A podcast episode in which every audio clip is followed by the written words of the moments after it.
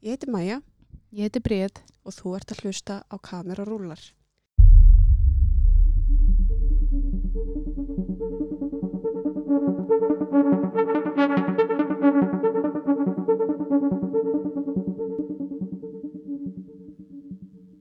Þátturinn í dag er í bóði Hjarnverslun.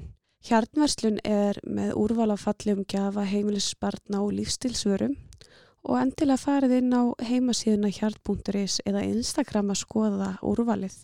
Hlustendur okkar fá 20% afslátt í netverslun með kóðanum kamerarullar. Við sitjum í podcaststöðinni og hjá okkur situr Árni Pétur, leikari. Hvað segir það? Ég sé bara allt gott, bara hálf döður, ég, ég komin að æfingu með íslenska dansflokna.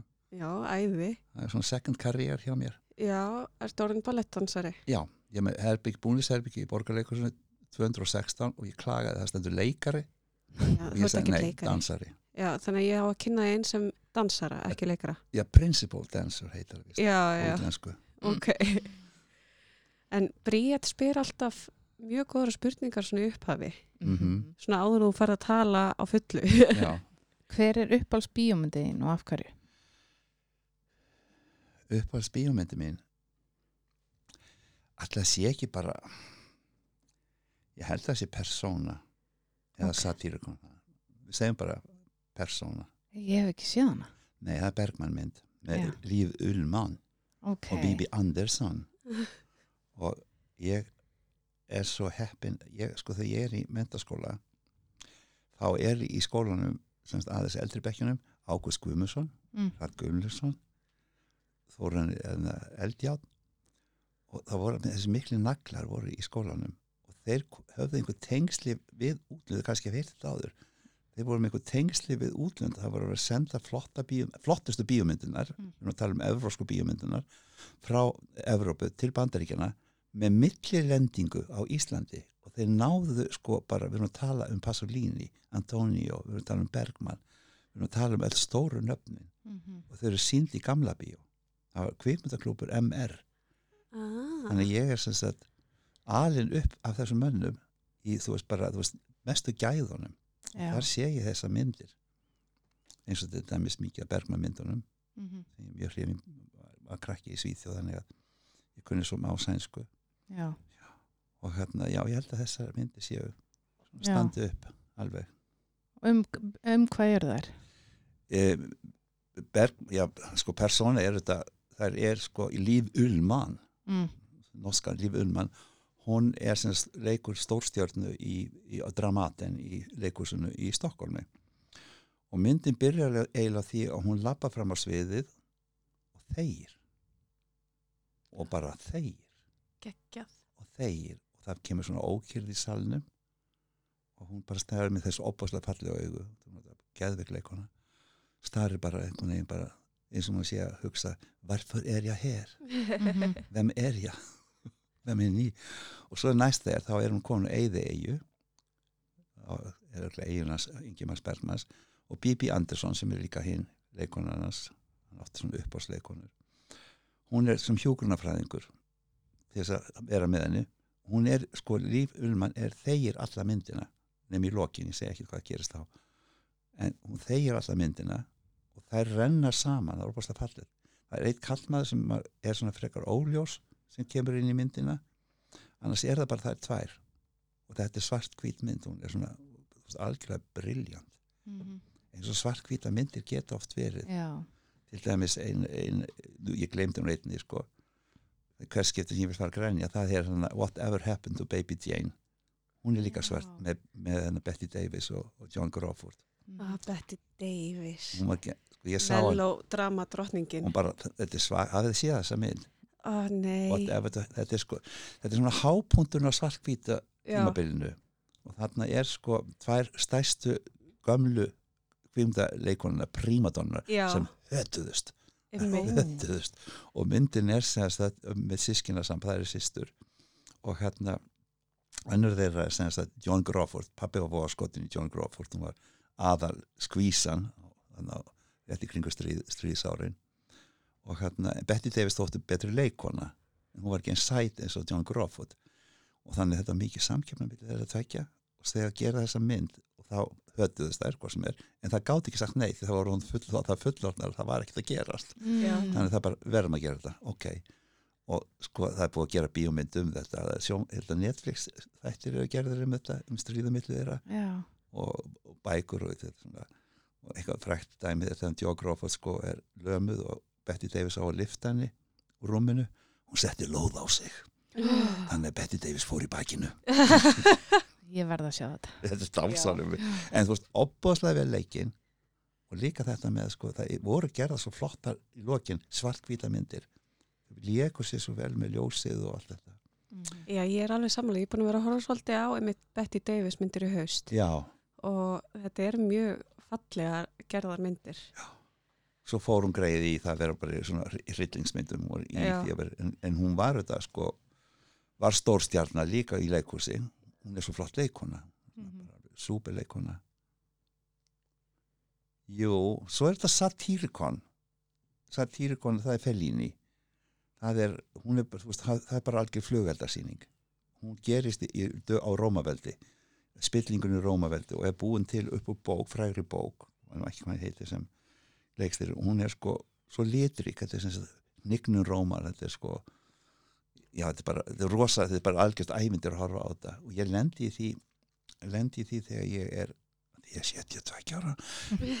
Og hérna ég lendi í því þegar ég var 19 ára árið 1970 þá var ég í Boston og fór á koncert með Janis Joplin og fór líka á koncert með Ike Tina Turner. Ok. ok, og ég sá þessa mynd Satyricon, Fellini sem er svakalega flott sko. Og hérna mikið skrautsýning. Og aðra sem hétt Boys in the Band Mm. sem er líka komin svolítið í tísku núna sem er bara um homaparty í New York svona 1969 eitthvað svo leis og algjör bara lýsing á hvernig svona party voru í gangi. Og þetta var alltaf sínt sko hérna í Boston eða sem því var í Cambridge stóri bróð var í Harvard og þetta var sínt svona rolling á, það var alltaf þau byrja svo bara haldið áfram svo bara kemur kannski inn í miðjamynd og heldur áfram að horfa Mm. ég var bara í stakk í þessum bíómyndum bara þessum tveimur Mhm. þessi það var svona sem höfðu rosalega áhrif á mig. Satyricon og Boys in the Band Já. Gekja. En hver er Árni Pétur og hvernig var til þess að þú fóst í leiklistina?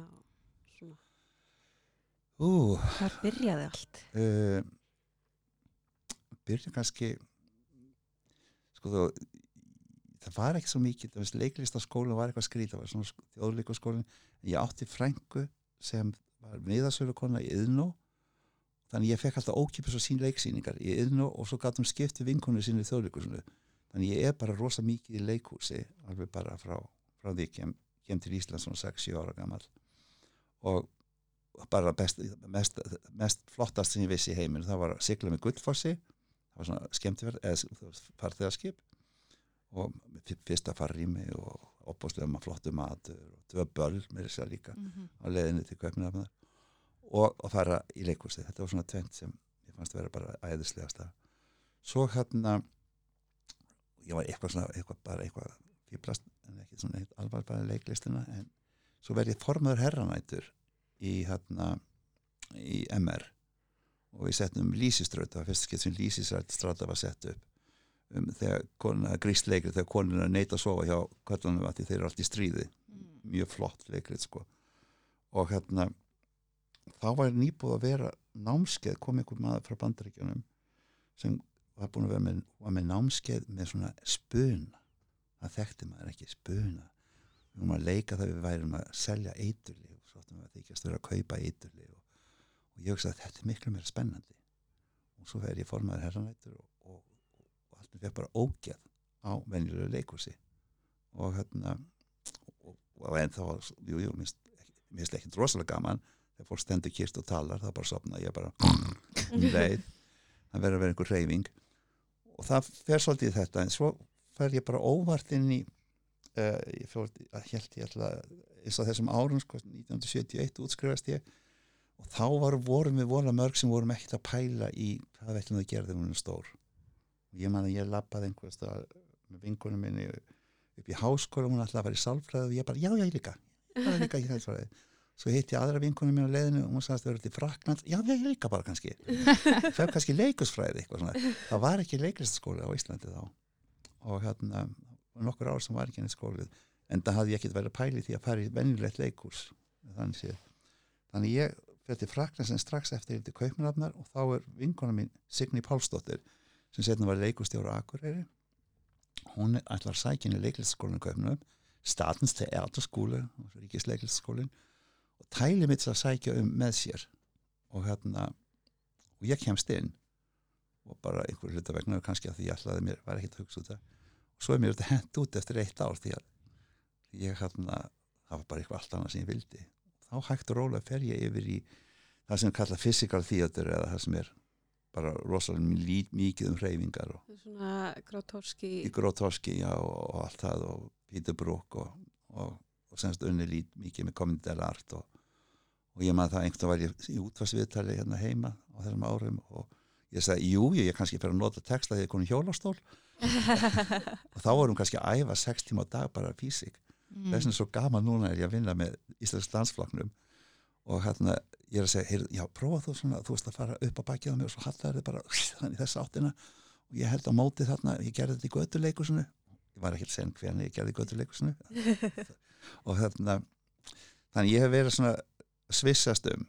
Svo fór ég, var ég e, svo kem ég er stofna leik og búti í Kaupmannöf og hérna götuleikus og, og grótorski leikus og svona bara mjög gaman og kem svo heim til Íslands og þá ákvað ég þyrsti að, að Íslandi það væri engin markað, nóg mikill markaði fyrir Gagagugu leikus þannig ég sækjum sem end, endurmentunar, endurmentunar og framhalsmentunar eitthvað í leiklæsskóla Íslands. Ég held ég sé eini sem færði alveg gegnum það program og tek tvö ári staðin fyrir fjögur og útskrifast um leiðum og Lalla og Hjálmar og hérna var ekki Skaffjörð sem ég útskrifast með. Já þú, þú varst í bekk með þeim fyrstu tvö árin þeirra. Já, og líka í bekk, ég, var, ég svissaði milli fyrsta, fyrsta ára, ég er í fyrsta og þriða bekk og annað ára ég er öðrum og fjórða bekk þannig ég er líka með, með hana Helgu Brögu. Já, já, já, þetta er það fólk sem ég hef verið að vinna með svolítið síðan, einmitt. Fram og tilbaka En síðan einmitt eftir að þú klárar endur mentunar námið þitt Já, hvað tekur þá við hjá þér? það tekur við ég held að bara sko eitthvað, eitthvað svona minna og, og hérna svo tekur við ég held að sé nonna manni Já, þú ég varst held í ég að því færi nonna manna í Ágústi Guðmunds Mhm. það sem ég hérna eitthvað niðursetning Já. og það var svolítið stórt hlutverk það Mhm. eru 30 dagar og hérna allavega gæti ég keitt bíl og svona Einmitt Ég Hvernig, eitthvað- hvernig dást í það hlutverk? Hvað sagði því? ég man það ekki Nei.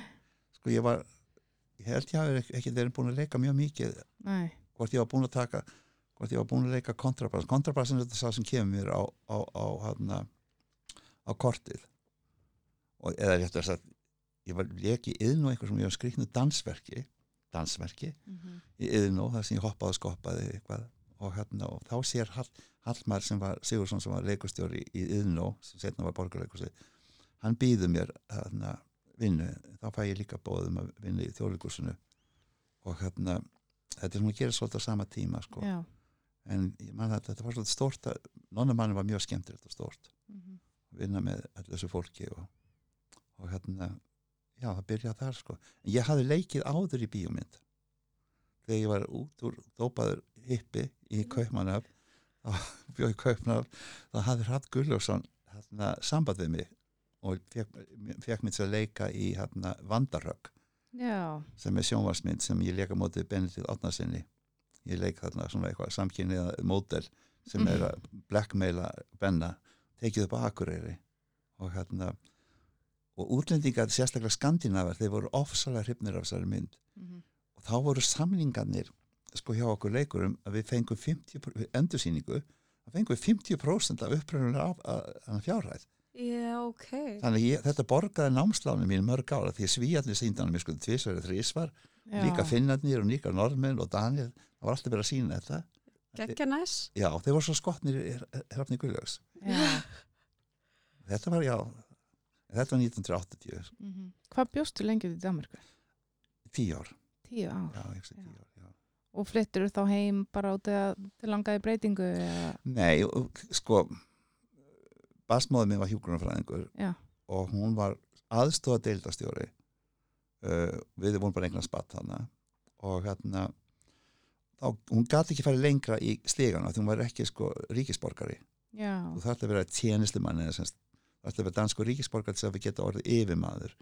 Og ég var líka stökk á vissan hátt í, sko, ég var að leika í leikúsum og, og þarna var að vinna með leikópum síðust árum og hættu með leikópum sem ég var með í og var að byrja að leika með sko, meira, aðeins meira flottari leikópum eða ekki flottari, meiri peningur og, og meiri umgjörði kringu það. En það var svona takmarkað að því ég var ekki talaði ekki perfekt dansku mm. þessum tíma þurftur eiginlega að tala perfekt dansku og það talar engin perfekt dansku nema Dani, það er bara staðurinn Ja. Það er samt varla að þeir gera það. sko. já það var alltaf þeir gera það Emmitt. þannig ég, ef ég vildi fara lengra þá vissi ég eiginlega þetta bara heim til Íslands og þá tek ég þessa ákverðin og mér var bent á það Signi Páls einmitt og hérna Theodor Júliusson kom í heimsóttími til Kaupmann og þeir bentum, það var líka runnið að mér hérna Mhm. Þannig, og þeir bentu, bentu mér á það að það væri eftir að sækja um þessa fullorðins eða eftir meðferð eða ekki eftir, með, hana, eftir skóla eitthvað. Já, svona endurmöntun. já, endurmentun og, hérna, og framhaldsmentun og, hérna, og það var vokan því ég þekkti kennarana. Já, og þannig ég gætt unnið, þetta var unnið svo mikið á jafnræðis þannig að Jafning, já, Já, grundvelli. ég, er búin að hoppa svo mikið og skoppa í dag Já, það svona no, það þarf að nokkra skrúur núna. það lakka skrúur ég, ég fór hún á föstu daginn það var ég svo útkerð eftir æfingum með dansflokknum ég er aðalega að lifta á fullu og hérna ég fór í ríki sem ég, ég, ég drekk ekki sjálfur en sambilsmaðurinn drekkur rauðvin eina, e, eitt glas á dag en það þegar ég sagði það við aðgræstamænin það þarf að vera svona skrúutappi á rauðinu því að hann drekkur bara eitt glas á dag er hann útlendingur? Já, hvernig veistu það? Að Íslendingum myndi að drekka helvits flöskuna nema hvað, ég var svo þreytur og ég fór á föstan og tók svona tvær rauðvinslaskur gekk að aðgræstamænin og sagði er eitthvað taku fyrir hvað má taka marga léttivinn eina skipt ég kaupi áfengið þar í fríöfninu og séðan bara flögstu heim úr skeifinu og... já, bara fyrir heim á skeifinu Já. Bara með, með, með boardingpass á Já. já, nei, nei, þannig að já. Það, nei, þetta var svona meðvitað sko, líka með langað bara til að fara veist, ég vissi að þýtti ekkert fyrir mig að fara inn í bransan Mm. nema að taka bara í gegnum þessa leið. En ég er þetta heppin þegar ég kem út úr bransanum. Margir sagði, þú veist, þú ert alltaf fullönd að fara inn í bransan svona. Þetta var sko Guðjón Pedersen, þetta var Þór Túlinjusson, þetta var Hallmar Sigur, þetta var, var Mhm. mikið af þessu fólki sem sko var, var að gera flotta hluta á þessu tíma. Já, þannig að það þekkti mig sko. Já, mér sagði sko einhverju höfðu verið að vinna með mér eða leikópnum mín út í Danmörku. Já, einmitt. og það er eins og við vorum að tala um sko það er ofsalega erfitt fyrir marga krakka sem eru að læra úti að koma heim ef þið eru ekki með tengslanit já, og segjum ef þið eru ekki hérna, með foreldra sem eru í húsunum eða eitthvað svona að Einmitt. En já, þó, þú ert bara á fullu sena bara í svona leikhústúsi, en hvenar byrjar, eins og að því ég veit að þú ert búin að vera svolítið með Rúnari Guðbrands í labbloka, þið eru búin að vinna eitthvað saman, eða ekki? sko ég kenni rúnari Þú kennir ég Rúnari. kenni rúnari, ég kem heim ég, eftir mér var eftir ég hérna, var sparkað út að, vegna lélegar mætingar í konunglega, eða fyrirvendu konunglega leiklistskólan, standslega þá kem ég til Íslands og við byggum út á landi living in the country lillir hippar, byggum til leikop þar Mm. ein þeirra, ein Birta Kosmo, hún var dönsk, hún kom með Óðunteatrið sem var, var aðal leikhúsið á svona, í Norður Evrópu á tímabili. Mikið svona mikið, já, hann var semst uh, nefandi Grótovski sem stjórnaði því uh, Jótsínu Barba. Hún kemur þaðan. Margrét Átnadóttir hún kom frá Bandaríkjum hafði verið þar, að vinna þar í leikhóp og svo var það að vinna og ég var semst að koma þaðan frá Danmarku og við hittust og reyndum að búa til eitthvað svona í, fyrir ofan bílaverstæði í, í, hérna, í hveragerði að búa til leikhóp og, hérna, og þá var okkur bent á að það væri svolítið sniðut og kannski að, að, hérna, að fara þá, þá, þá sem ég fyrir byrja aðeins að kenna. Og ég kenni í, mentaskólum í tjötnina og þar kenn ég rúnari uh, Guðbrands og Hávari Sigur Jóns Elinettu, leikmynda dæmi og einhvern veginn tímabilið senna líka þá kendi ég Sjón Já, og Helga ok. Björns og Vilborgu og svo fer ég út og tek leiklistakennarinn á. Jú, varst að kenna leiklist? ég bara áður, já, já, Já, Já. ok. það var, e, það er eitthvað sko mér finnst rosalega gaman að, læra eitthvað, eða bara eins og í típist íslensningur, Mhm. við förum að námskeið þú veist, ég hef einhverjum rosalega flottum leikstjóra frá París eitthvað svona með einhverja sérstakka tækni og við förum að kenna hana tveimur dögum eftir hann er farin, Einmitt. áns að hika áns að hika, Já, orðin sérfræðingur. orði sérfræðingur og allir segja, þú veist, maður þarf að byrja á þessu þegar maður er tíu ára, eitthvað, segir bara, nei, nei það er eitthvað námskeið hjá einhverjum indveskum, þú veist, dansara og einhver rosa tækni já, já, ég hef komið það æfingu bara mjög fljótlega beint Bara orðin Suzuki leikari bara Alveg, núna. án, án, Eftir tveggja dagar námskeið. Já, þetta, þetta, er- þetta vist fegur Já. og ég lærði það sko einmitt hjá, hjá, þarna, hjá einu leikstjóra hann var að segja þú veist ekki reyna að herma eftir þessum, þessum æfingu eða þessum frá Japan eða svona. Fyndu hvað orku þeir eru að nota. Það er það sem skiptir máli. Það er orkan og energið og hvað er þið nota og hvernig þið beininni það er það sem skiptir máli. Ummitt. En síðan ertu, já, þú ert búin að leika líka í einhverju sjónvarpsefni og bíómyndum, eins og hægósi. já. Hvernig kom það til? það kom til það er bara, ég hef stundum verið sko hérna með kvindaskólanum þú veist krakkar í kvindaskólanum hafa hringt í mig og spurt mig hvort ég vilja, leika. Það kom oft þannig og, og hérna og við eigum ekki mikla peninga til miður og ég segi það gera ekki til. Ég skulle bara segja það ég sé ofslega sætur og skemmtilegur og hérna og þá er Arnór hringir í mig Arnór Pálma hann hringir í mig og byður mig að, hann er að búið til svona pilot fyrir svona eitthvað sjónvastátt eitthvað svona eitthvað hæg eitthvað svona clown dæmi sko, átt að vera svona eitthvað fyndið. Og hérna og ég held að kjartan bróðum hafi ekki verið komin inn í það strax. Og það, og það var svona það er svona pilotin og svo, svo tókstum að selja þennan pilot til þarna til skjá eins. Og þá komuð, þá voru þetta þrjú ár Já, eða þrjú hvað, sumur, þetta urðu tvær serjur, eða ekki? þrjár sterjur Þrjár serjur, já. það er semst var sex þættir sex og svo átta þættir Já, og svo átt að gera meira þá bara vantaði peninga já, það enda svolítið svona húps og þetta virðist hafa opbáslega mikið ennþá fólk sko bara talar um að Mm. elski þessa þætti og, ummitt. já. en ég eftir búin að leika bæði í, í, nokkur bíómyndum undan Agnesi og Mhm. Já. Magnúsi og Tára Steini og svona fleiri myndu sko. Já. Hvað fannst þið svona skemmtilegast? að gera, Já, mér finnst alltaf skemmtilegt að leika í bíó. Já, það er sko fyrir mér að leika í bíó er það er svo mikið hópvinna. Ég fer, sko þú getur verið rosalega einmann á sviði.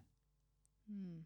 og maður er svona kannski bara einn að ströggla þarna og áhörður hata þig og, og, hérna, og þú ert ömulegur og, og klúður öllu og svona en aftur á móti í bíó þá ertu svo mikið teimi Þú veist, það er þarna hljóðmaðurinn.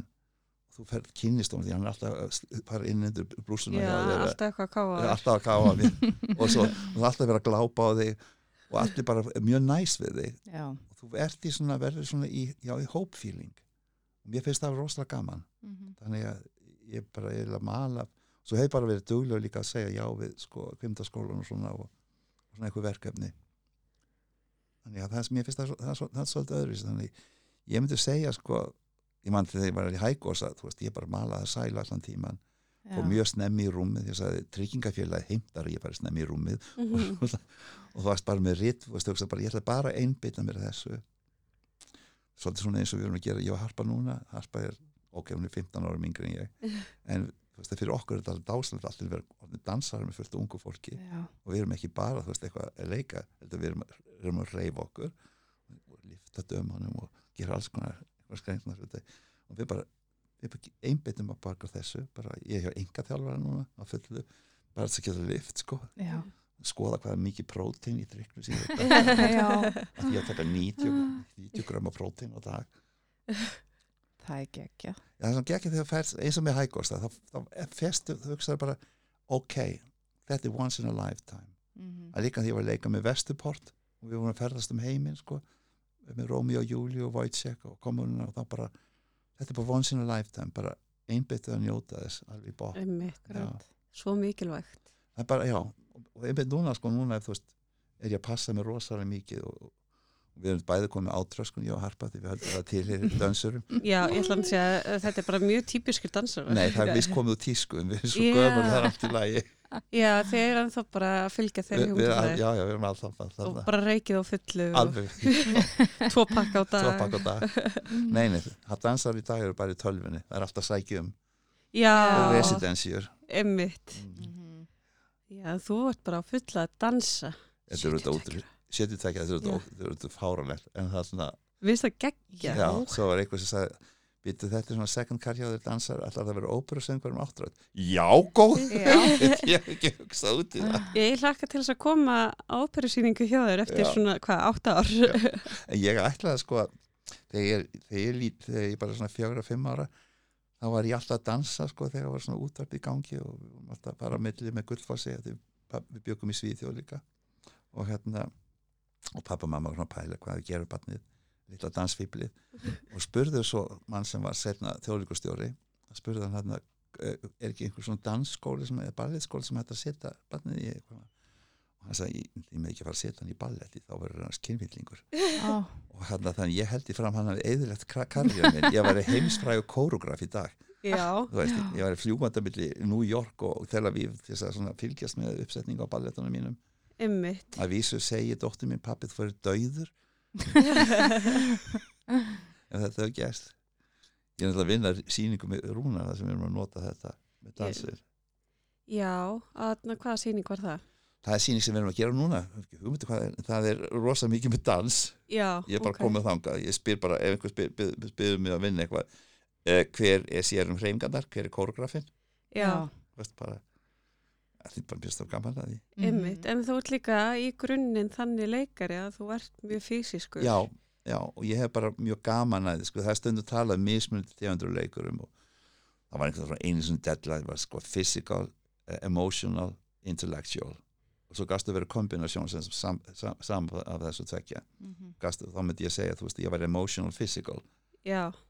Og þú frekar bara dömblond, ekki sérstaklega mikið intellectual en mér finnst bara rosalega gaman að þarna að tengja streymingum Já. Já.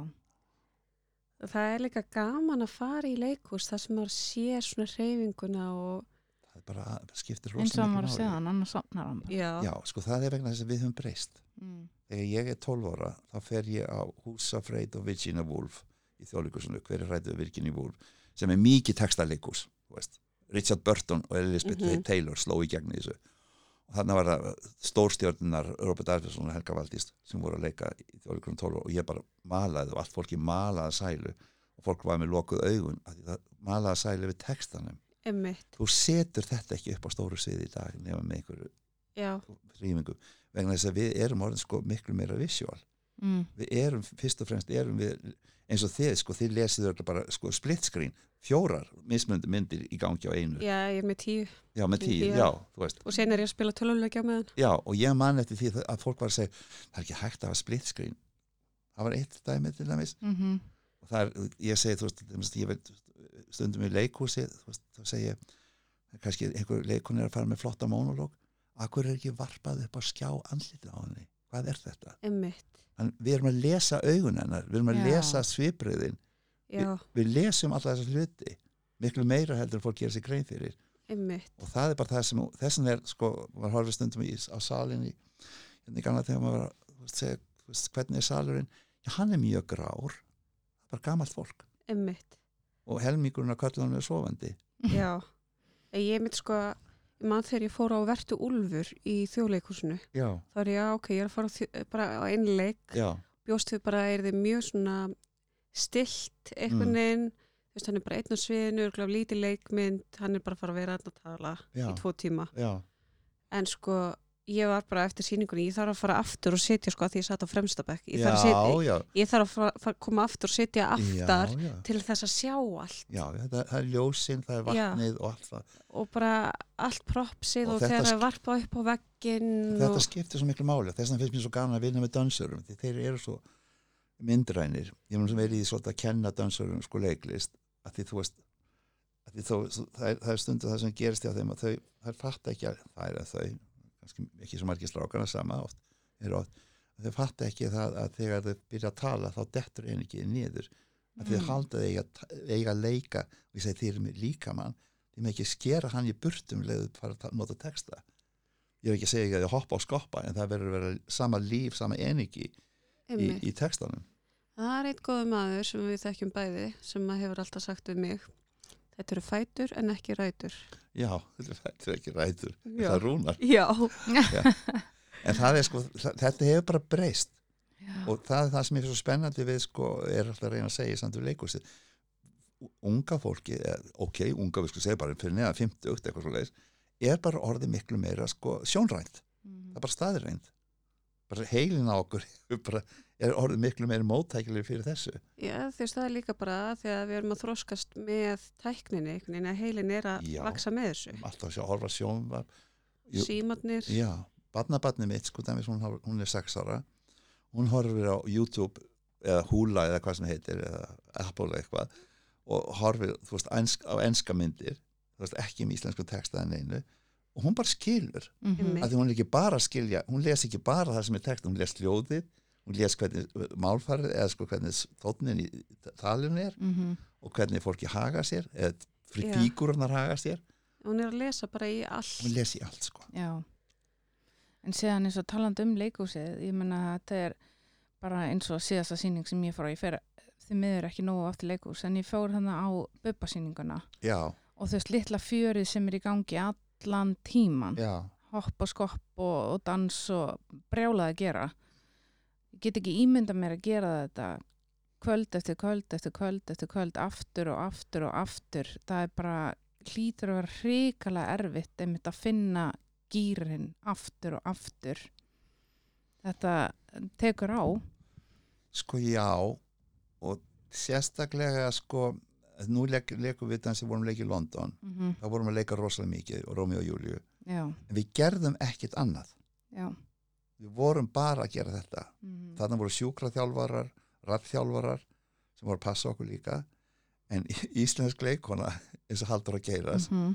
hún er líka með fjölskyldu, hún er með alls konar hluti í gangi þar fyrir utan.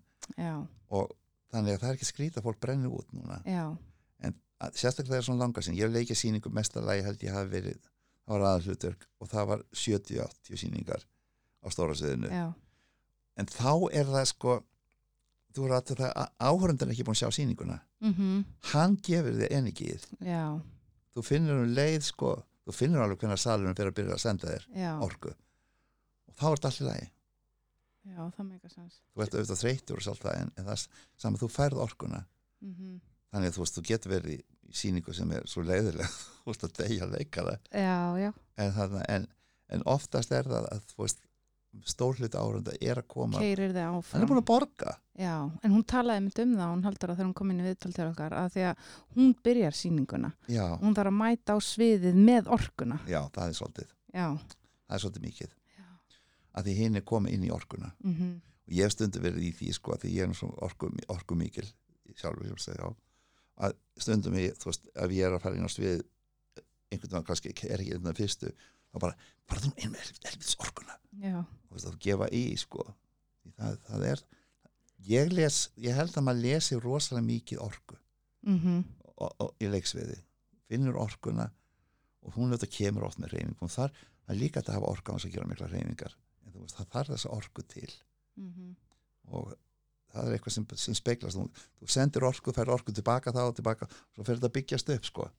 Og svo kemur þessi rosalega mikið gemtilega rafmagna tilfinning. Þá verður til eldingin. já, og það er ekkert marga. Besta sýningi sem ég hef leikið, það var, voru 17 árundur í bakhúsi á laugavinum það bara gerðist eitthvað mjög sérstakt.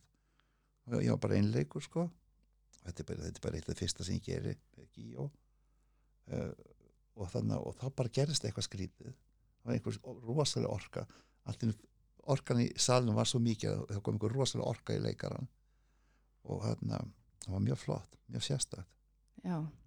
En hvernig finnst þér best þegar þú til dæmis að fara að leika í leiksýningu? Og bara einmitt þú er komið handrit og samleistur og allt það, hvernig finnst þér best að undirbúa þig fyrir þetta og einmitt að þannig að þú getur komið inn með orku? Rit, eh, sko, ef, ef ég byrjar að sína þá er það bara ritual. Þá ger ég yfirlt mjög mikið sömu hlutina. Veist, ég pissa sama hlutin nei, pissa sama pissa sama tíma. Ok, pissa Ég bara, ég sá samt einhvern veginn hvað þú sagði bara, já, ég bara, Alltaf á sama hotnið fyrir utan leikhúsi. já, fyrir utan leikur nei, og svo kannski segi ég sama brandar ég segi brandar við, við, við sviðsmannin Þú veist, það er eitthvað, svona, eitthvað vist ritual sem fyrir í gang. Mm þannig að þú hægt og rólega ert búin að byggja þau upp sko. algjörlega. Já, já. og svo er þetta, þú veist, allt sem gerist eða, þú veist, fólk er að segja, þú veist, með sterka tilfinningu, hún kemur að því þú veist að fara frá þess A til B til C þess vegna kemur tilfinningin á D. En þú verður að hafa þetta undan. Mm og hérna jú en, en þegar þú færð handrit í hendunar hvað svona, hvernig byrjar þetta hefur? ef ég fer handrið í hendunar ég bara skoða hvað ég á að segja Sem pissar á handritið. Býtu, svo pissa ég á handriti Býtu, hvað er það? Ég þarf að byrja Hérna myndi ég pissa, já. Nei, ég er svona, já, ég held að Ég hérna, sko Ég er ekki að stúdera mikið. Nei.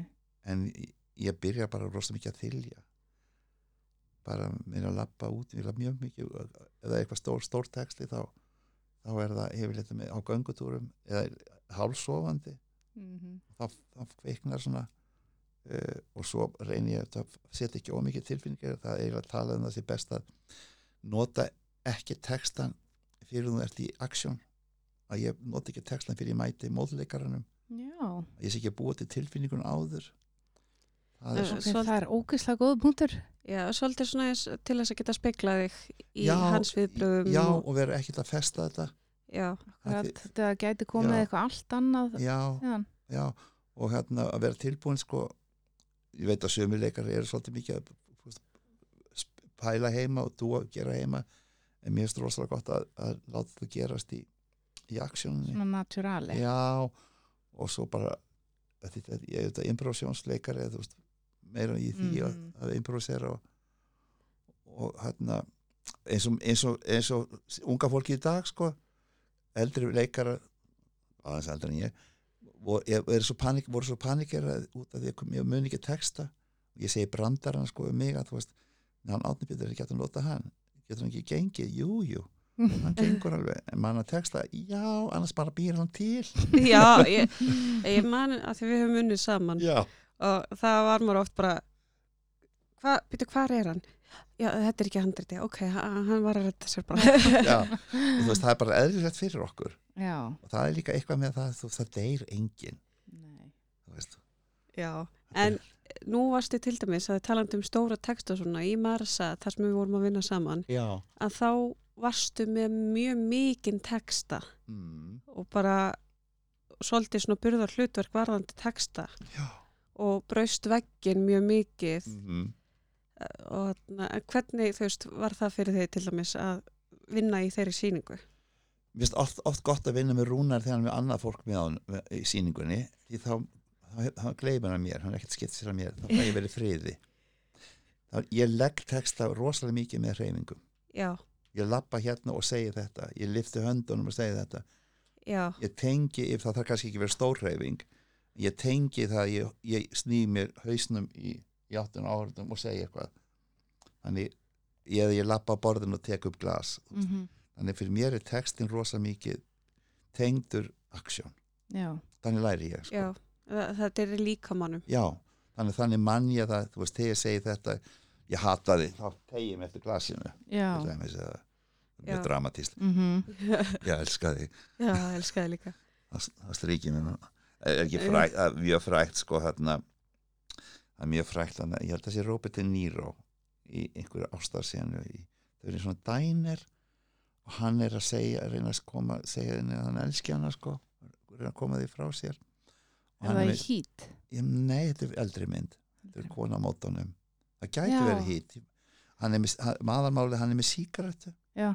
Hann er allan tíma að pæli að kveiki sígarettunni. Mm hann er ekkert að pæli að hann elski hana.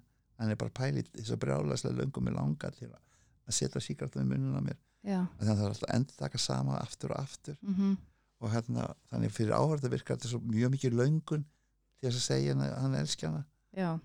Þannig að hann er með aksjónina. Ég ger þetta líka stundum sko að þegar maður þarf að repeat, í bíómyndu að reyna sko, finna repeatið. Að það hjálpa mér. Já, en það að fara að leita að tilfinningun inn í tilfinningun ég elska þig einhvern veginn finna. Það já, yfirleitt erum við sko að því ég held ég yfirleitt að við séum við sko tútumenn, við, séum, þú veist, við erum ekki þegar ég segi ég elska þig þá er ég kannski líka að pæla eitthvað annað, þá er ég kannski að pæla hvað, hvað er hún að hugsa um það sem ég er að segja? Veist, það, við erum alltaf það, við erum aldrei eiginlega bara bein. Já, já, og það er svo oft þegar, maður, þegar fólk er að leika og svona, þá er það bara beint, þú veist, ég hata þig en kannski, þú veist, er að segja veist, ég hata þig, ég geti drepið þig veist, og jafnvel, þú veist, þegar það er eitthvað að gerast annað, Mhm, það getur þess að vera að gerast þú, þú veist, að maður sé að taka um hjarta á sér eitthvað, mhm, Eða fyrkt í hárunu. eða fyrkt í hárunu eða, já, veist- eins og hann þú veist, að pæli hvort að Mhm. kveiki síkartunni ég meit þú veist, að ég er að rífast við, við kallum þá, þá meina kannski eitthvað allt annað.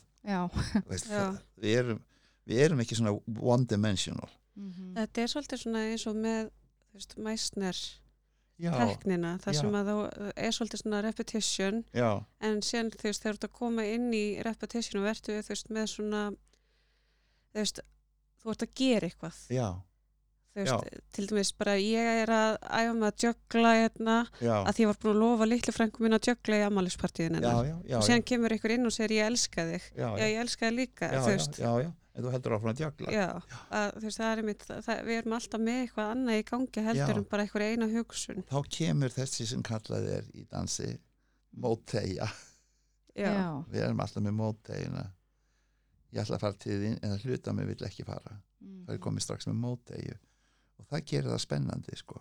Já, alveg það sama sko og mér finnst það oft vera það er þagnir og þegar fórstandur kýrt ég labbi í áttundin og ég stoppa akkur stoppar hann þá segi ég, þá kemur áhórundin inn og býr til aðst, býr til, býr til akkur stoppar hann? Mhm, vill hann ekki vera til hennar? Þegar ég var að tala og kemur pása allt í hennu hvað er hann að hugsa? Mhm, eða þú veist þegar þú ert að tala eitthvað allt í hennu beigir að það er svo fallið þá kemur bara þögn. Já, að þú getur ekki alltaf áfram. Þá, þá súmast inn mhm, aðteklin já, ég hlæta það sem við erum alltaf að reyna að gera við erum alltaf að reyna að ná ná, ná aðteklin þegar þú ert að leika á sviði Já. og fyrir framann alveg fullan sala fólki horfuru yfir þau eða á þau?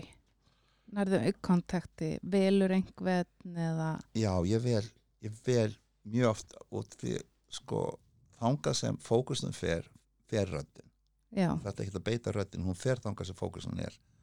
Og hérna ég var, var ekki ofta ég var að segja, það er engi sætur í salin já, þegar þú var skvíslar, já. Býtu það er engi sætur í salin og sér, jú, að fremsta bekk. fremstabæk nei, finnst þér hans þannig ég fann oft eitthvað sem ég var svona daðra við á þess að hann vissi af því. Og þá sendi, þá er röddin mér fer hún alltaf þangað. Mhm, þegar ég var að brjóta veggina og svona Núna þorir enginn að mæta á síningar. nei, nei, Hvað, hvað hefur Pétur Nei, fyrir að bí- daðra? eða, eitthvað punta svo svo mikið hann býtu, er að reyna hann mig. horfur ekkit á mig. Býtu, hann horfur ekkit á hann er ekkit að nota mig. Eh, nei, þá gerir ég það, veist, þú segir þessi stóra sviðinu. Þá er ég bara að finna ég einhver mhm, finni, þú veist, kannski einhverja konur sem situr þarna uppi. Og þá er ég yfirlega að tala til hennar. Mhm, án þess að hún vita af því og án þess að ég meðvita já, þá veit ég alltaf að röddi minn fer þangað. Mhm, þá er hún, þegar, þú veist, ég er þetta með geðvikar rödd Ég- Með Þetta er bara besta Mhm. röddin sem ég hef heyrt, sko. geðvikar rödd ég, var, vinn í Breitlandi Mm. þeir eru nú svo merkilega breytar alltaf svona understatement. Og þeir segi, oh you have such a nice voice sagðið mig, yes in Iceland they call me the voice. No það sjálfsögðu, Ah. það getur engin neitt því. Nei, en það er bara, bara genin líka, Já. það er genin og, og þjálfun. Já, og hérna, jú, og svo bara þú veist, bara æfingar sem hafa verið Einmitt. í gangi. Og svo eins mamma, pappi hreifst að mömmu að það var svo, henni lág svo hátt rómur. Hún var frá mm. meðrakasléttunni já. En það hefur rosa mikið að segja mhm, að þarna það, það getur líka verið vandamál þannig að ég er á veitingastað eða kaffihúsi og er að segja kjaftasögu mjög grófa kjaftasögu þá þagnar staðurinn allur. Ég held að ég sé að tala svo lágt. Nei, nei, ég lærði alls konar svona ég var í verkefni mjög spes verkefni hjá Steininu Knúts sem var setna fagstjóri eða professor hann deildastjóri í hann listaháskólum í leiklistinni við gerðum netleikús þar sem við vorum að leika á sagt, uh, það var fjórum stöðum á landinu mm.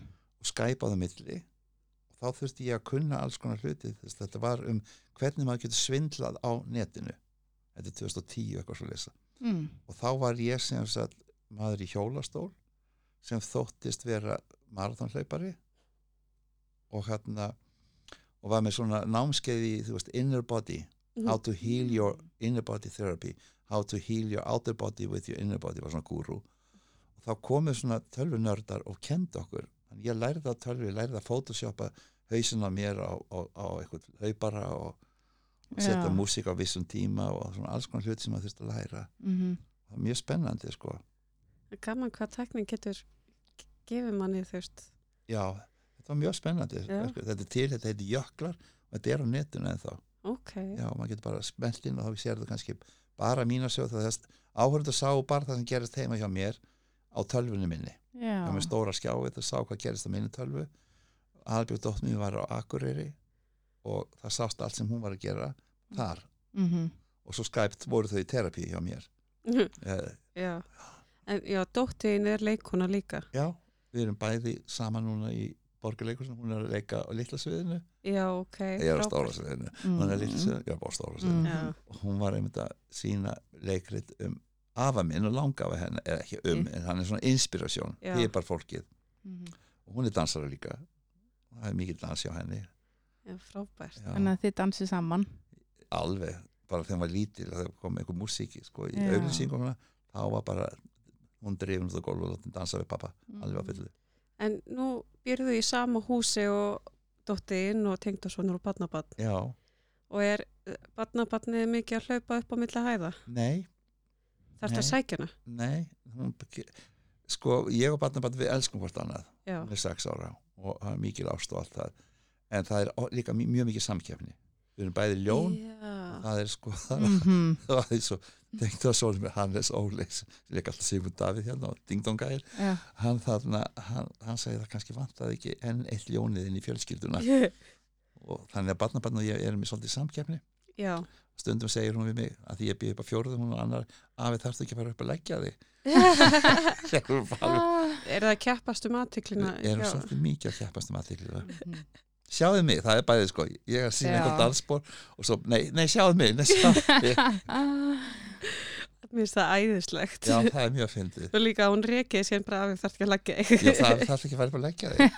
Að ég nota það oft, þú veist, ég nenni ekki að hanga lengur niðri eða, eða, eða hún, mér finnst hún erfið. Já, ég ætla ekki að fara ekki upp að leggja mig. Já, þannig að dóttir mín er leikona, og svona leikari bróður minn var leikari, við leikum nú sama ég og bróður minn Já. er leikari í, í, hérna, í Hækosa og svo leikum við eitthvað verkefni sem við leikum saman í, í þjóðríkursinu, ekkert langt síðan móður harðindin Já. Þannig að það er mikið leiklist í kringu þig. sko, mamma var í stúdentuleikursinu Já. hún var í stúdentuleikursinu, hún er mjög dramatísk en hún var í stúdentuleikursu var svona stolt, að- eitt aða leikursið, hún er fætt 22 1922 og var í háskólanum. Og það var stúdentuleikursið og þar var leikið tartýf, það var leikið fullt af flottum leikritum. Sérstaklega 1. desember þá var alltaf sko útvarsleikrit flutt af stúdentuleikursinu Já. og það voru þarna fullt af, af sem eru setna leikarar voru þarna í. Svo hafði pappi líka leikara í genin í sér sko. Þannig að þetta er svona ekki alveg en ég er þetta fyrsti sem fer alveg í atvinnum menn Allaleg, já. já, Heldur að badnabanni eftir að fæti sömu fótspor á þið? ég vona ekki ég, ég vona hún verði hérna umhverfisverkfræðingur Já, sko þegar Hannes Óli kom hérna í viðtal til okkar, Já. já, minni að hann hafi sagt það nákvæmlega sama. umhverfisverkfræðingur Ég er bara, ég vona ekki. já, Já. sko hún umhverfisverkfræðingur og ég býð með Portugala sem er mjög þunglindur eins og allir Portugalar Mm. mjög svarsýn og hann, hann segir there's not gonna be an environment left. Þannig að það verður ekkert fyrir umhverfisverkfræðing að gera. Já, já, já. þannig að, nei, mér finnst það mjög líklega hún er með alla, alla taktana. Já, Mhm. ég meina hún er þetta alin upp við þetta. Ymmit. og, og hann, hann er svona rólegur. Hann er mjög já, rólegur. en ég og dóttir mín við erum mjög líka mörguleiti Já, okkur finnst ekki að því að taka einhver dansspor mm og vera ofslega mikið í fýblagangi En hafið þið eitthvað leikið saman? Já, Já. við höfum gert það við höfum leikið við höfum leikið hjón tvisasinnum Hjón? það er geggja. já, og hann og vinkonur hennar vinkonur hennar sem þekktum sko þegar hún lítil Já. er það að leika áskonu pappa þíns já el, já, finnst áskonu eðlitt við elskum hvort annað við þessum ekki að leika Já, einmitt.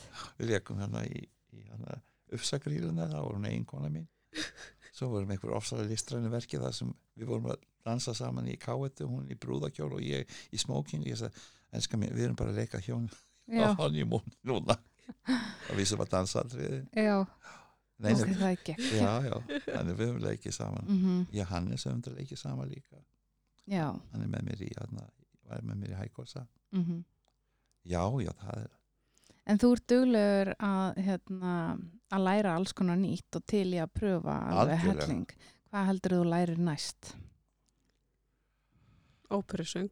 það, já Upprisöng, já. Nei, mér, sko, mér langar alltaf þú veist, ma, ma, ég sé leiksýningu Mm 1900 og 1972 þá sé ég leiksýningu í Kaupmanna sem hétt Hús föðumins sem er sko leiksýning af um, Dostoveski eða Idiotun Dostoveski þetta er óðunleikursið í Holstebrú sem er þetta óðunleikur, við getum sagt að óðunleikur sé, sé að mín alma mater sem er grunnurinn minn. Mm þarna, ég sé þessa sýningu, ég vissi ekki um það ég sé þessa sýningu bara í svona einhver litlu lokali það var svona ferhindningu sem ljósin voru svona bara jólaljós eða svona pærar bara í ferhindningi þau leku á einhverju tungum og það gæti verið einhver svona rúsneska ég skildi ekkert, ég upplýði eitthvað gæðuveikt og ég er alltaf að leita þeirri sýningu. Já.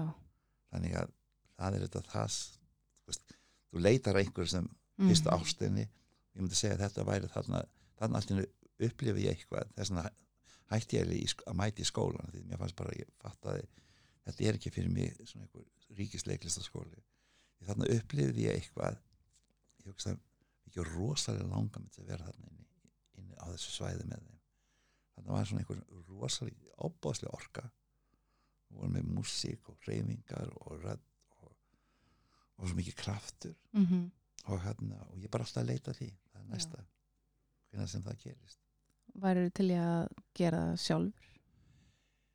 ég, sko, ég er alltaf íta ég, veist, ég, er, ég er, er alltaf að reyna að ala upp Rúnar Guðbrandsson. Já. ég byrja á því að kenna hann um þetta því hann er bara í mentaskóla og hann unnið með mig og svo hef, ég segi ég er, að ala upp leikstjóra minn Mm því hann veit nokkuð veginn er að tala um hann er þetta búin að sjá grótvaski sýningar en svo kemur alltaf tveil mánuðir hvað er, við þurfum að hafa sýningastað og förum alltaf leið, alltaf leið. Mm -hmm. þetta er auðvitað eins og fer maður alltaf leið í ástinni veit spurning. það er góð spurning Mhm. sko Getur maður sleppt sér nógu mikið? já, getur þorur það að fara alltaf leið þorur að segja ok en þú veist, þetta tekur þetta sem tíma þú veist, þetta er þetta er hljóma, þú veist, eins og bara þetta er líka bara, veist, er Guð til eða ekki? Mm veist, það er bara svolítið svona ég segi það gerir, trú er trú er þessi spurning alltaf er, er Guð til eða Guð ekki til? Er maður er alltaf að reyna að nálgast einhverja fullkomnum -hmm. og meðan maður er að reyna að nálgast einhverja fullkomnum þá er maður bara lifandi. Þess vegna er ég svo fljótur að segja já Já. alls konar hlutum veist, já. Og vera opinn fyrir því veist, margir sem ég er búin að vera með fullt af gúrum og ég byrjaði að vera í leiklistaskólanum hérna í, og þá var búin að vera bæðið með sko Peter Brook og, og hérna Grotowski og fleiri gúrum uh, Roy Hart og, sem er rattdæmið mikla. Og hérna það var spurt sagt, það var svona Kári Halldór sem var að kenna í leiklistaskólanum og spurt hann að hvernig væri að fara að vinna með honum. Þekkti hann ekki að bræða með þess að kanna þetta ég segi ég er búin að vera með smorgun gúrum bara að gefa mér bóna ekstra. Mm og þá bara ferðu inn í það dæmi. Þú bara hlýði því dæmi sem er í gangi. Og svo getur þú tala eftir nokkur eftir hálft ára mátt tala ítlum viðkomandi. En meðan þú ert að vinna með viðkomandi þá bara treystur honum. Það er, bara, er mín, mín, mín sko, hefur alltaf verið mín filosófía. Já. ég fer alveg inn í það. Hvort sem það sé einhver ungur fáið í kvimdaskólanum sem er að fara að leikstýra. Ég bara, bara ok þá fer þarna inn á þess að hika. Mm og það að því þú veist ef, ef ég fer að segja eitthvað þú veist, neða þá strax er ég búin að gefa vantraust á milli. Já, þá fyrir hinn að reyna að leita að einhver leiðin sem fá mitt að gera eða fyrir kannski vantraust að sér. Og það er svo hættulegt. Mhm. listamenn verða að fá þessa, þetta öryggi að geta kasta sér út í hlutina og þóra að því, þú veist, við erum alltaf að reyna við erum alltaf að reyna að fara, þetta er alltaf framfæri bara eins og vísindum. Og ég held að það sé sama í listum, við erum alltaf að reyna að finna hérna fullkomnu list Já. eða eitthvað. Og þannig, þannig við verðum að gefa tilraunir fyrir gefa leifi til fyrir tilraunir sem mistakast.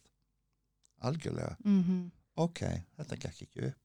Og Það er samt svo fallegt að mistakast. ég veit það, þú lærir það. Já. Og líka- lærir mest hannig og líka þið sem ég, er svo gaman, ég vinn mjög mikið með ungu fólki, yld er ég að verða bara síðustu 50 árun næstu því hef ég verið Já. svo elstur. En þú veist, ég elska þegar fólk fyrir að vinna og heldur það sé svar framtíðan fyrir leiklistina er svo sannfært um að sé að gera eitthvað rosalega flott og nýtt. Og það er bara vil, þannig vil ég vinna. Og þegar kollega mínur, mínum aldrei að segja þetta hefur nú verið gert áður. Ég segi hvað græði það ég að heyra það? Mhm, ekkert, við verðum bara að styðja eitthvað nýtt, styðja það að þau hafi þessa þessa Mhm. hérna, hugmyndi eða þú veist bara hérna blossa mhm, sem, er, sem vantar stundum í stofnarleikursið en að blossa að það sé eitthvað, eitthvað ógeðslega flott að gerast hjá okkur og við erum best í heimi einmitt Mér finnst það bara geggjað. mhm. En hvað er það fyrðulegasta sem þú hefur lent í á þínum ferli? Furðulegasta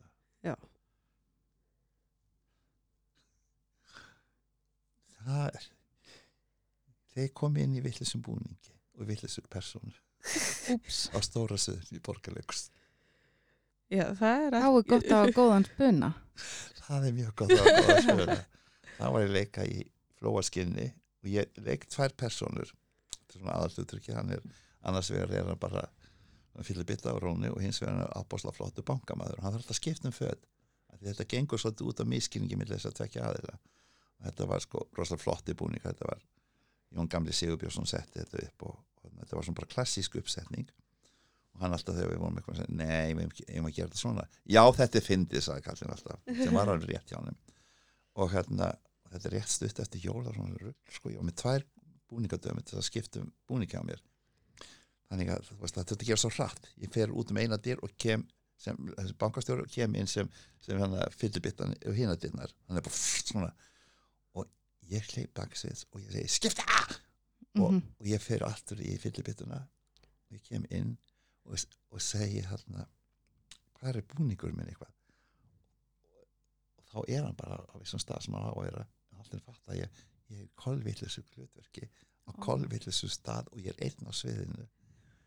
Og mér tókst að bjarga mér. Já, og ég hló eins og fáið ég kom út og ég hugsaði, ok, fyrst ég gætt þetta þá er ekki að þetta tepa mig Þetta er mjög góð saga. fyrir fullum sal, fyrir fullum sal. Já, nú, hver tók búningi minn? hann er þarna. Já. Það er ekki ekki, en það fattaði þetta einhver? Eða Nei, nei. nei, Nei, nei, það það- sagði ekki. Að- og það deyra engin Nei, nei, já. Nei, nei þetta en svo lætur maður að hafa sig það ógustlega fyrir það lætur bara að hafa sig. Jú, jú. Íslensk kvindagerð mhm, í, er kuldi. Já, í, já. er kuldi. Og þá var maður vola heppin í, í Agnesi þá var ég prestur. Og prestur getur verið miklum fötum innan undir það er nú alltaf leið með það.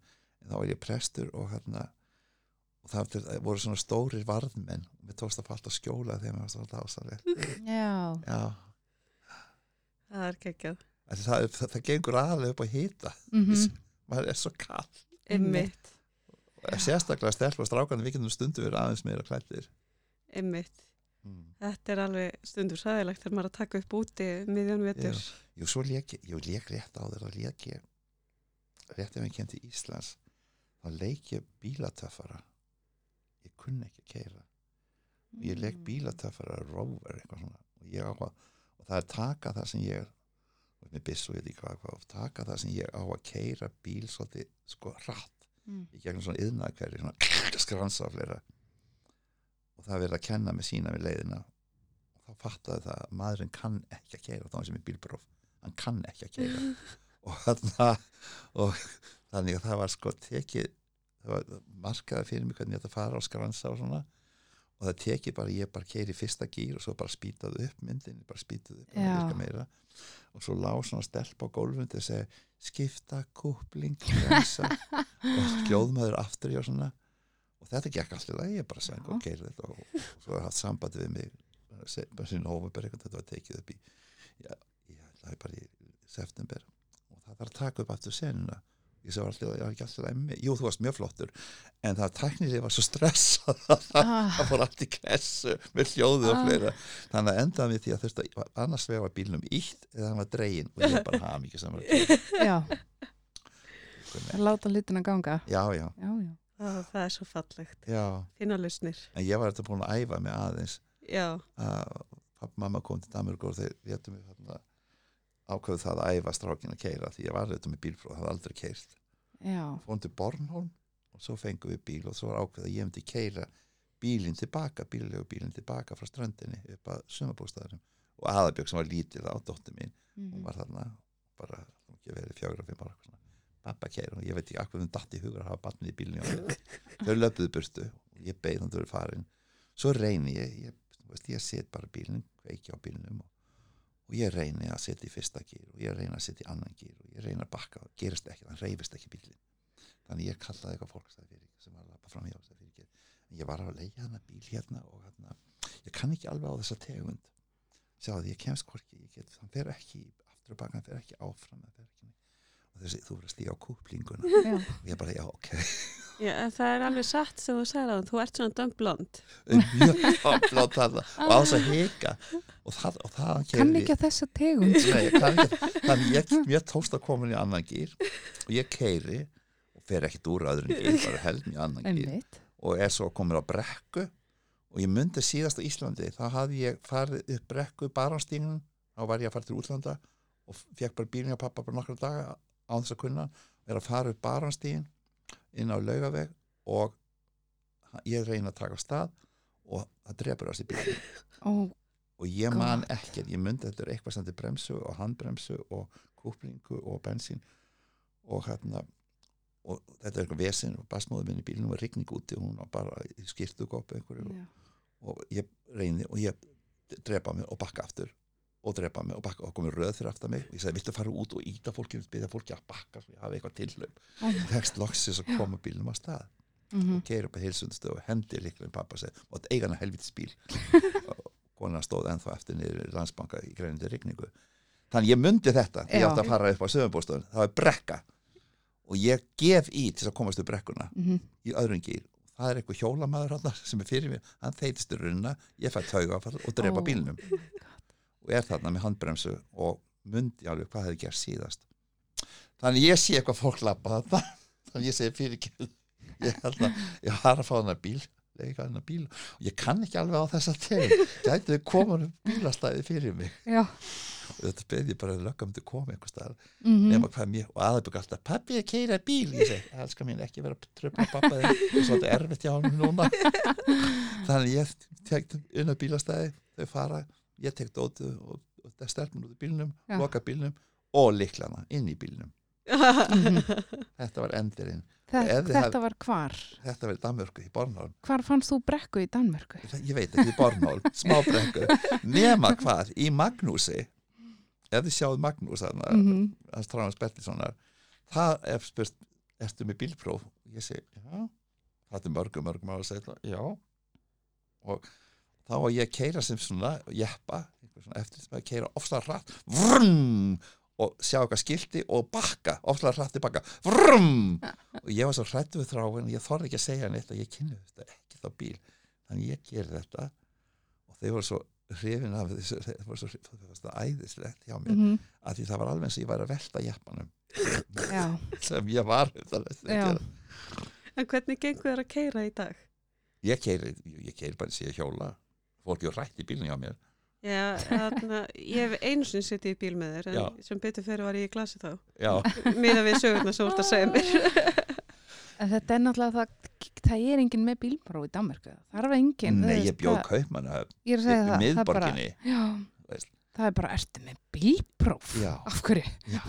ég fekk bara bílbróð þegar pappi hafði mist sitt Já, og ég átti að hann upp í hest og svo fer ég bara til Danmarkur rétt og eftir nákvæmlega. og þú veist, enginn á bílbróðar eða keri bíl nei, nei, þannig að Ég minn einni. ég er alltaf svolítið nervist þegar ég, Já, það er tvent sko, það er annars vegar mér er sagt að kera bíl og svona, kera ósá rætt og svo hitt þegar þarna æ, það er oft svona senur í í leikhúsi þegar svona partí og fólk er verið ósá mikið stuð og það fyrir að henda flösku á milli og ég er rángaður, ég get ekki gripið nei. og því ég bara nei, nei, nei, nei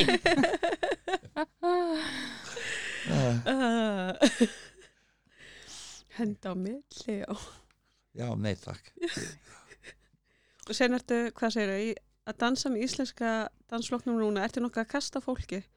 Nei, ég gríp, ég gríp og svo, hvernig gengur það? það gegn, já, svo hef ég áttaviltu líka.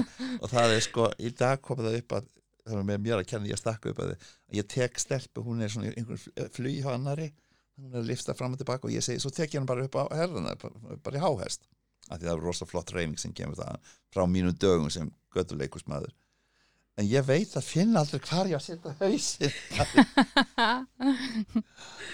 Nei, þetta er sko, þetta dansverk, þetta er frumsýnt í miðjan, miðjan janúar og þarna er svona, ég held að heiti núna ástíðinar og þetta er sko nokkri úr dans, þetta er ekki 6-7 dansflokknum, svo er forvarthópurinn, það er svona, svona yngri krakkar sko, sem eru semst, gætu farið í listaháskólinni dans næst. Og svo er sem sagt uh, ég og Harpa Harpa Arnardóttir sem er 15 ára yngri en ég við vorum að því Vala Rúnaskeri sem er koreograf, annar koreograf hinn í Snædís og Vala var með sko mastersverkefni í hvenar hættir í listaháskólanum hvenar hættir dansar að dansa? Og hérna akkur hættir dansar að dansa? Og veist, akkur dansa fólk ekki þó að sé komið yfir 70 og svona þannig að það er svona, svona pæling hjá henni. Og hún fær okkur mig og hörpið til að kynna þetta verkefni fyrir nokkrum ára síðan. Þegar hún er að kynna mestisverkefni sitt um dansara og byður okkur að koma og það er semst krakkar og eru sko, krakkar úr skólanum eða semst fólk, fólk úr skólanum, listaháskólanum kennarar og svona eitthvað fleiri það sem er að kynna verkefnið. Og byður okkur að koma að dansa, setja músík á og það er svona stort, stór salur og ég og Harpa við, við gerum svolítið svona bút og svona hægar japanska reyfinga, við erum ekki að drepa okkur við drápum okkur, við drápum okkur. Við vorum með fullt af músík, við vorum með stórt svæði til að dansa á, við höfðum áhörundur og það var bara liftur, hún hoppaði með hálsan á mér, ég snýr henni og ég gæti ekki gengið í viku eftir hún held að maður komið lungnaborgu og fólki grét yfir að sjá svona tvö gaman með að reyna að kála sér En Þannig þið er allan að kemur ko- það. þið allan komin í aðra danssýningu núna.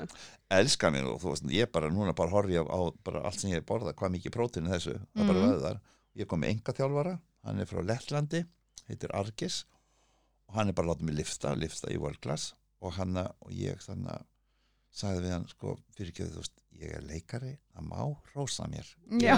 ég þrýfst á rósi og þarna, svo er ég 72 ára og maður líka að segja þessi ofsalega fitt með hvað ég er 72 ára. Og hann bara, in Soviet Union you were never good enough. 12 more, 12 more. Þannig ég Þannig að- borga honum fyrir þetta. Já. En þannig að ég get ekki búið þér söru sem ég kom með hérna. nei, við- ég kom með ádraskun líka Já, Já. alveg þú hættur að borða. ég hættur að borða sem þig, ef við komum úr tísku Já, en ég er að minna þín kynslu að dansurum. mín kæsla dansu, já, við, erum- við erum förum alltaf, harpa að fara að sína mér um daginn hvernig hún lappa niður stiga, hún tegir úr ristinu núna Já, já, já, já við erum alveg, við göng, við erum alveg að gangast upp í þessu á fullu ymmit, Ó, mér finnst þið það frábær. já, já. Ég ég var sjá vol þetta. ánað sagði enga þjálfan að ég væri búin að missa 2 kíló í því ég var í þannig sumafrí it's only the water between the fat. Ó, Já, eh, ég held að Það þú þurfa að fá ég- annan enga nei, ég ætla að einmitt segja, ég held þú sért bara með akkurat að engaþjálfara. væri ég er með rétt að hann er búin að laga nýjan á mér. Mm. veist að fólk vissum aldrei þá fer að finna til Mm, þegar að lappa já. niður tröppur eða niður fjöll. Og þá er þetta bara, þetta er viss bara málið. Það er rosa mikið, sko. Ég er búin að vera í jóka alltaf og hot jóka og ég veit ekki hvað. Og synda og ganga og, og, og djöblast í svona fysikal þýjötur en það vilist vera sko að vöðvar séu rosalega mikið mál, sérstaklega eftir 50 og það er ekki um þetta komin yfir 70 að byggja vöða Mhm. Já. það er bara það sem sko, Til þess að styðja við líka mót og... já, til stegi og þetta er bara það, þú rýrnar þarna. Mhm, svo mikið. Þannig ég er allir þessi núna mhm. og svo bara laugardagskvöldum þá er ég með laktosafría gríska jógurt leifi kettinu sem hata mig að fá á puttunum mér aðeins helska sambilsmannin og þá horfum ég á Will Farrow sem er sem physiotherapist for over 50 plus. Þetta er uppáhaldið mitt núna að horfa á þetta á YouTube. Þetta eru stutti þættir um hvernig maður getur staðið upp frá gólfunni maður dettur. Crawl to the nearest chair. Og já, Getur það væri svo frábært, hefur þú hort á Grayson Frankie? Grayson Frankie með nei. Jane Fonda og, og það eru einmitt svona 70 konur sem að vilja ekki að börnin fatti að þær einmitt eru fastar í bakinu og gólfinu og símin Já. er upp á borði ég veit það, ég veit það, við þurfum að gera svona íslenska þætti. Já, já, auðvitað. En nú fer að koma á lokum hjá okkur og ég geti samt setið hérna í allt Mhm. kvöld með þér árni Pétur og það er alltaf jafn gaman að tala við þig. Söfulegt, ég ætla að fá mig móla þegar þetta er búið. Já, Þið segja ekki frá því. Eh, já, nei við segjum ekki frá því. Og Ég er náttúrulega saði sko við, þú veist, að ég var að þjálfa svo mikið og Harpa, ég er búin að vera hringin allt sem var. Ertu eitthvað að þjálfa? Nei, mér er svo illt í bakkinu Þú voru að gera eitthvað í þessu. Allar, Er það að synda þá? Nei, mér er illt í öxlinni. Og ég sagði, nú, ég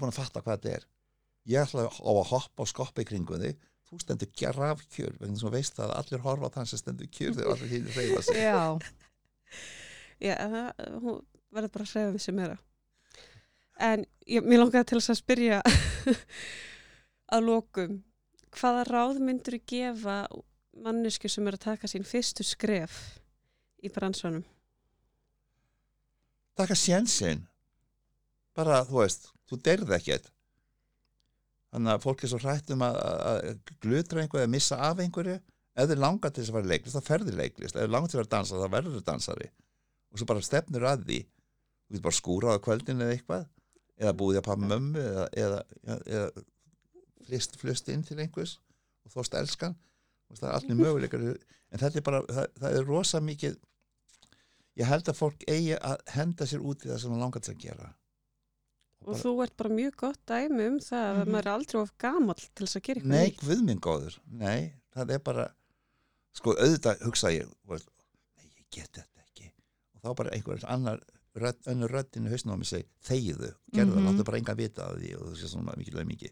En það eru nógu margir sem að eru neyjarar og segja nei, þetta er gengur ekki og þetta er ekki hægt og eins og sagði ráðan að þ- þú veist, orðin of gamall fyrir þetta. Ég menna, ég held að þetta sé bara fullkomni bransin til að vera í og þú ert aldrei of gamall fyrir neitt. Það er Nei. hlutverk fyrir alla. Nei, og svo er líka málið, þú veist, ég er að fá fullt af hluturkum, af því ég er Nákvæmlega. gamal. Það er bara staðreind, ég er að Mhm. fá bara, þú veist, af því það vantar eldri mann eða eitthvað, af því hann getur hreitt sig. Akkurat. Svo er það ekki núna, þú veist, þú máttu ekki setja upp leikrið með það sem á að vera einhver hinsegin ef að nota einhvern hinsegin, þannig ég er að fá hinsegin hlutur líka.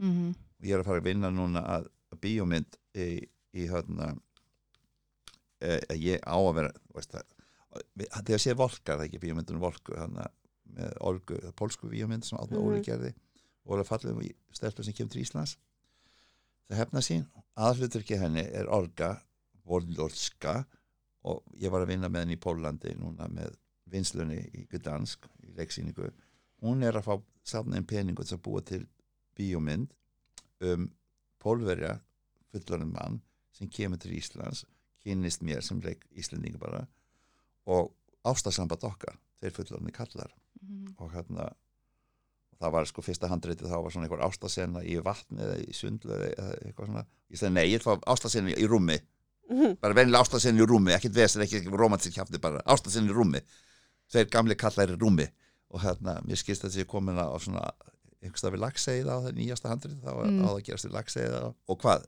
eiga þeir svo að gera eitthvað. Og, hérna, og það er sko að því það, það er bara spenna. Ég var að vinna í, í bíómynd hjá honum Ara Alexander uh, sem er frá frumsýna bráðum sem er þetta sögu Guðbjörg Bergsonar þetta heitir Missir. Já, Já, og þá var upprunan átti ég að leika sem sagt nágrannans sem hafði mist mannin sinn. En svo var því breytt að því þið voru ekki alveg með að reyna myndi ganga veist, og veitt breytt þessu manni í mann sem misti konuna sína. Æ, og ég segi, þið, þið, þið, þið kæmust inn á alla kvikmyndaháttíðir út af því að það er hins einn dæmi í gangi. Það er bara Einmitt. málið núna. Ég er ekki að segja þú veist að ég geti bara hins einn ég leika hins einn, ég veit það bara er, það er mikið að gerast hjá mér að því ég er gamal og að því ég er hins einn Mhm. það er bara, þú veist, þú fær styrk út af það. Já. þetta sækja um eitthvað. Já, við erum með gamalmenni. Þú veist, ég er ekki svartu þannig ég slæ ekki, tek ekki það og ég er ekki fatlaður nema kannski verið fatlaður eftir dansæfingarnar á morgun. En þú veist, ég, þú veist, það er þessi box sem er í dag. Já, og það er bara, þú veist, fólk sem ég finn þú veist, með þess að Tom Cruise nýjasta, nýjasta konan hans eða kæristan hans í síðustu bíumyndinni hún er ekki tvítug, hún er yfir fertug. Mhm, love interesti hjá honum. Já, og við erum að sjá það líka í leikhúsinu þú veist, það er miklu, er smarat satt Já, öll yfir sjötugt einmitt. og þar undan voru einvarð undan í Krispu Kjeld og, og Makka Guðmund. Við erum að sjá þetta. Mhm, Krispu Kjeld, við heilmikið að gera hjá þenni. Já það það, er bara, maður er að sjá hana allstaðar. já, og það er líka og, og þröstur Levertu komin að vissan aldur líka. Það er, það er og þarna, þetta er að breyti sem þetta er mamma þegar hún var að horfa ameríska sápóperur. Er þetta amman? Nei mamma, þetta er dótturinn nú, nú, en hver er þetta? Er þetta þá mamman? Nei, þetta er langamann það voru alltaf eins. Já einmitt, allar sama aldri. á sama aldri. Ah, þetta er bara breytast rosa mikið Já, mhm, finn ég. Já, Við þurfum Og- samt að vera duglega að taka bara fleiri sjansa og já, já, breyta og bæta. Og gefa Já. öllum hópum bara sitt svona spes líka. það er að gerast þið Já. sjáðu því í sjónvastáttum að þú ert kannski með konuna sem er á skrifstónu hún er í hjólastól. Já, og er í Mhm. alvöru á, í hjólastól. Einmitt. Já, Ég var myndið að horfa á þætti þar sem að um einhverjum strák, já, leikni þættir. Og þar er mitt svona fjölsóldi með bara fjölskyldu lífinu. Já, þú veist hvernig er að vera þú veist fóreldri eða sískin einhvers einstaklings. Og systir hans er mitt að díla við svona hvernig hún skilgreinir sig já, þú veist er hún lesa, er hún uh, streit, er hún bæ uh, og þú veist og er að svona spyrja sig þessara spurninga. Já, og þú veist þar fáum við þá insýn þú veist hvernig er að vera ung manneskja í þessari leit þú veist, Mhm. og einmitt hvernig er að vera föllu manneskja sem vill tilheyra samfélaginu og gera það sem að venjulegt fólk gerir að, þú veist, já, já, innan gæsalappa því að hvað er venjulegt? Já, þannig að mér skamman sjá mitt hvað maður er að fara að sjá fleiri svona hópa já, já. Mhm. og þú, já, og líka bara þú veist, þetta er ég held að eitthvað þetta með reality tv, raunveruleika sjónvar hafi breyst svolítið hlutum. Við erum að, höfum mikið meira, meira áhuga á eitthvað öðruvísi. Mhm, þú veist, gamlu þú veist, það, það gefur okkur meiri spennu í raunveru Við erum búin að sjá svo mikið af hinn Já, og þú sér líka þú getur séð besta balletdansar heima á YouTube. Þú getur séð, þú veist, fallegastu koni í heimi veist, á YouTube. Stórkostlegasta söngvar í heimi. Þannig þú ert að byggja um eitthvað meira persónlegt, meira Mhm. uník meira, meira tengt einhverju. Bara meira svona down to earth eða bara eitthvað sem við tengjum við. Eitthvað sem við tengjum við. Mhm. það er það sem fólk hefur svo gaman þú veist, til dæmis með, með, með til dæmis dansarana nú er ég meina með dansurum þú hefur svo gaman að sjá dansar sem er alls konar. Mhm. það er ekki bara einn staðlið. Já, ég, ég er mynd búin að sjá svona myndbönd á netinu þar sem að svona af ballettdansurum sem er ekki uppfylla ekki þessi típisku skilirði til þess að vera ballettdansari sagt nei. há og mjó. Já, já, heldur þú veist bara stelpur sem eru þú veist venjulegum holdum já, já, og eða þá bara í smá yfirþyngd en eru frábæri dansarar. Já, já. Og það er sko, þetta, ég held að það sé bara eitthvað sem er þess að það sé, erum við að fá erum við, í þessu ég og Harpa Mhm. í þessu verkefni núna því við erum, og e- þess vegna er þetta verkefni þú veist að búa til ástarsögu með tveim kallur sem, sem eru komin Já. vel yfir 60 ég Mhm. minnst það frábært, Já. það er eitthvað sem að var gaman að horfa og þetta er þetta spennandi fyrir pólverið því það er svo mikið homofóbía sko í gangi þar já, Mhm. og nú er komið sko ný stjórn sem er miklu frálslindari og hún segist finna strax fyrir miklu meiri sko meðbyr Mhm. að gera sína að sé hægt að þú veist, tveir kallar geta, veist, fundi hvern annan og elskast Já, eina sem vandamáli er að í nýju, nýja handreitinu þá er sko á ég að vera veiðimaður og hafa gaman að veiða ég kann ekki að kasta línu ég bara, shit En þú kunnir heldur ekkert að keira en þú lést að ganga. Já, ég, ég, ég, ég veit það, það er að feika allt saman í Já. myndum. Fake it till you make it. It till you make it Hann er, það er líka það. Mm þú veist, fake it till you make it. Og þú veist, og, þú veist ég get þetta ekki, gerð það saman þú veist ekki að láta neitt við það bara, þetta. þegið og gerðu það. Það, er- það held ég sé bara, þú veist, ofsalega mikið til allra sem, þú veist, bara fara út í þetta. Segja bara, já. Það er gerðið það, já, já. Er til þetta, já, já Já. Og hver veit, síðan bara færðu kannski geggja hann áhuga á að veiða og það verður bara ókslega skemmtilegt og gæti verið Já. gæti verið, Já. geggja. já, En bara takk æðislega fyrir að koma til okkar, beint úr leikhúsinu já og, og Bara- dansinum, já, dansinum, úr dansinum dansinum. og ég hlakka til þess að koma á dansýningu hjá þér og Já, fylgjast með að tók hvort þú verið ennþá lífi þegar fyrir frumsýni. svo bara dansa allir